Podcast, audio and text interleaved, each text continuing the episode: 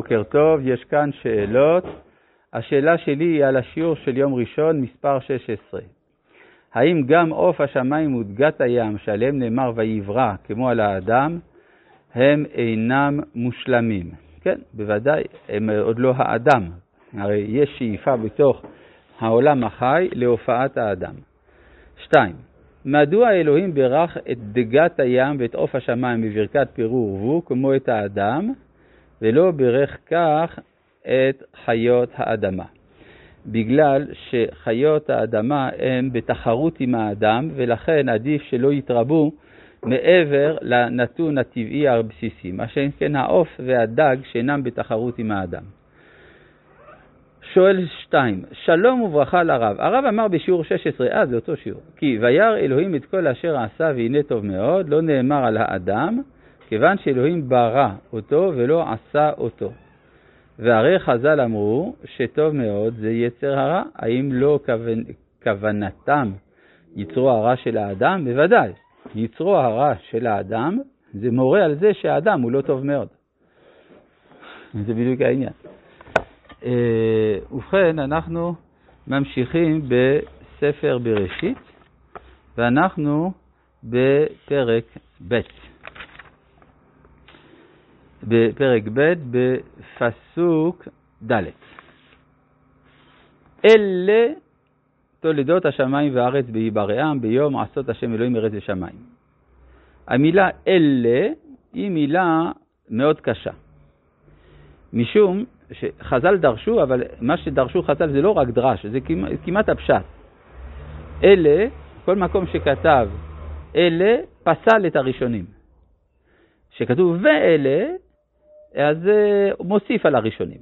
אבל פה כתוב אלה, מה, למה אלה זה פוסל? אומרת, אלה תולדות השמיים והארץ, לא מה שלפני כן, דווקא אלה. אז אלה תולדות השמיים והארץ, זה אומר שכל מה שלמדנו עד עכשיו, אפשר להכניס לגניזה, פסל את הראשונים. אלא מה? זה בא לומר, אם זה באמת פסול, אז לא היה צריך בכלל לכתוב את זה. אז זה פסול ואף על פי כן נכתב. למה? כי זה בעצם בא לומר שעד עכשיו הגורם היחיד שפועל במציאות זה הקדוש ברוך הוא. בראשית ברא אלוהים. מכאן ואילך מתחיל תהליך חדש, תהליך התולדות. תהליך התולדות, זה הכוונה שהבריאה בוראת את עצמה. זה מה שכתוב כאן, אלה תולדות השמיים והארץ, כלומר השמיים והארץ הם בוראים את עצמם, וזה ההמשך של הביטוי, בהי בראם, כשהם בוראים את עצמם. יש כאן רמז גם כן על ידי הה הקטנה, במילה בהי בראם, הה יהא קטנה. חכמי הקבלה אה, אמרו שהה הקטנה זה הה האחרונה שבשם הוויה, מידת המלכות, שהיא מכוונת כנגד השותפות של הבריאה בהיווצרותה. לכן בה ברעם, אל תקרא בהי ברעם, אלא בה באות ה' ברעם. מה הכוונה שזה דווקא הדגשה על המילה בהי ברעם? כן, זאת אומרת שכאילו הם בוראים את עצמם. זה המשמעות של המילה תולדות. כלומר, מכאן ואילך, כל ספר בראשית הוא הופך להיות ספר של התולדות. אפשר לצייר את זה באופן גיאומטרי במעבר מקו אנכי לקו מאוזן. כלומר, מקו אנכי שבו מהבורא אל הבריאה הפעולה נעשית, מכאן ואילך נעשה הקו המאוזן, ההוריזונטלי, של הבריאה שיוצרת את עצמה. במובן הזה ניתן לומר שיש לנו שלושה סוגי אדם. יש לנו אדם אחד שנקרא אדם הראשון, ושמו אדם. מה פירוש אדם? הוא לא שותף לבריאתו. אחר כך יש לנו האדם השלישי, בן אדם, כינוי למשיח. כן, בתנ"ך וגם במקומות, בן אדם זה המשיח. האדם המושלם הוא האדם שיצא מן האדם, שנבנה על ידי האדם, בן אדם. ומה יש באמצע? באמצע יש אנחנו. אנחנו לא אדם, ואנחנו עוד לא בן אדם. זאת אומרת, מה שנקרא הזהות האנושית, זה משהו שמתוח בין התחלה אידיאלית לסוף אידיאלי. התחלה אידיאלית מצד הבורא, סיום אידיאלי על ידי הצלחת ההיסטוריה, ובאמצע האדם הבלתי מושלם שהולך ומשתלם. זה בעצם מעמדו של האדם, כן, la condition humaine. כן. כבוד הרב, האם השליחות שנתחיל בעזרת השם, הם קריאה להיות בן אדם, בן אדם על אחד... אתה אומר, יפה, יפה מאוד. אתה אומר, בסליחות אנחנו אומרים, בן אדם עליך נרדם. כן, גם אה, רב החובל אמר את זה ליונה. כלומר, זה הקריאה לאדם להפוך לבן אדם. יפה מאוד. יפה מאוד, חידוש יפה. איך הוא נקרא אותו, שבא, אותו אחד שבאמצע? אני לא יודע.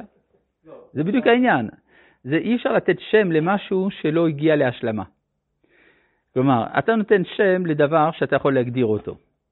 האדם ש, שאנ, שאנחנו, זה עוד לא מוגדר, אז אי אפשר לתת שם. שאלת, נכון? והתשובה הייתה ברורה, לא? טוב, מה? מה זה? זה קשור, כן, למה שמניטו, זכרונו לברכה, היה אומר, כן, כן, ודאי. יש פה לשים לב למילה תולדות. המילה תולדות מופיעה 14 פעמים בתנ"ך. בשני מקומות בלבד זה מופיע בשם מלא. כלומר, בו' ו', ת' ו', ל' ד' ו' ת'. אז זה בפעם הראשונה, והפעם האחרונה זה ואלה תולדות פרץ, במגילת רות, בשושלת המשיחית. זה השלמה של התולדות. אז שמה המילה תולדות כתובה בשלמות, גם פה וגם שם. כלומר, גם בהתחלה, גם בסוף. באמצע יש לפעמים שיש ו' בהתחלה ולא ו' בסוף. ואם יש ו' בסוף ולא ו' בהתחלה. כלומר, התולדות לא מושלמות. ויש מקום אחד בלי שני ו"ים בכלל, כלומר רק תו, ל', ד', תו. זה בתולדות ישמעאל. זה שייך לתולדות, אבל זה הממד שממש זקוק להשלמה, אז זה תולדות ישמעאל. אז פה כתוב אלה תולדות השמיים והארץ. מה? אה, ודאי, הרי אמרנו שבלי, אם זה לא, אם לא, זה לא כתוב בשלם, אז זה סימן שזקוק להשלמה, נכון?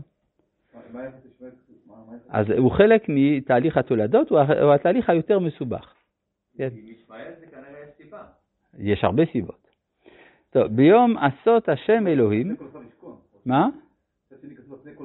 אז זה כשאנחנו נגיע לישמעאל נדון בזה.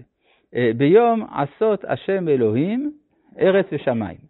אז כאן יש לנו ביטוי חדש. עד עכשיו השם האלוהי המופיע היה רק אלוהים. מכאן ואילך מופיע השם אלוהי, י"ק ו"ק אלוהי. הביטוי הזה מופיע בתנ"ך רק בפרק ב' של ספר בראשית, פעם אחת בפרשת וארא, ועוד פעם אחת בספר תהילים. בשאר התנ"ך זה לא מופיע. י"ק ו"ק אלוהים, לא מופיע במקומות אחרים. אה, זה בא לומר שמדובר פה הנהגה מיוחדת של שיתוף מידת הדין ומידת הרחמים. אם נדייק יותר, שם אלוהים מציין את מי שברא את הטבע, והוא פועל לפי חוקות הטבע. לעומת זה, שם הוויה, הוא מופיע דרך ההכרה המוסרית, ממילא בעיקר דרך האדם. כבר ראינו ששם הוויה, שהוא בגמטריה 26, מופיע ברמוז בפסוק 26 של פרק א', ויברא אלוהים את האדם. אז שם מצאנו גם כן רמז לדבר. אז אה, השם אלוהים, כן, מדובר פה על שילוב, על שילוב בין שם אלוהים הבורא ושם הוויה הגובר. וכאן יש אה, שאלה גדולה, מי העיקר? האם השם עיקר או אלוהים עיקר? בזה נחלקו הנביאים ולהבדיל ספינוזה. הנביאים אומרים, השם הוא האלוהים. ואילו ספינוזה אומר, האלוהים הם השם. כלומר, מכלול ההופעות של האלוהות בטבע זה האלוהות. ואילו, ואז מילא הוא מכביד על אלוהים והופך אותו למשועבד לחוקות הטבע. לעומת זה, לעומת זה, הנביאים אומרים שהשם, הנעלה מכל חוקיות, הוא האלוהים, הוא המתגלה בחוקיות. ידוע ששמו של הקדוש ברוך בכל מיני שמות. כן, כל מיני אופנים. אז כאן אנחנו צריכים לראות כל פעם מהו השם שמופיע בכתוב כדי להבין את משמעותו של הכתוב. ביום עשות, השם אלוהים, ארץ ושמיים. אז שימו לב שברגע שזה מתחיל מן הנברא, אז ארץ קודמת לשמיים.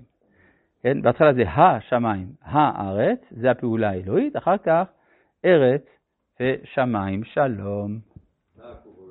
רבי חנניה בן הקשיא אומר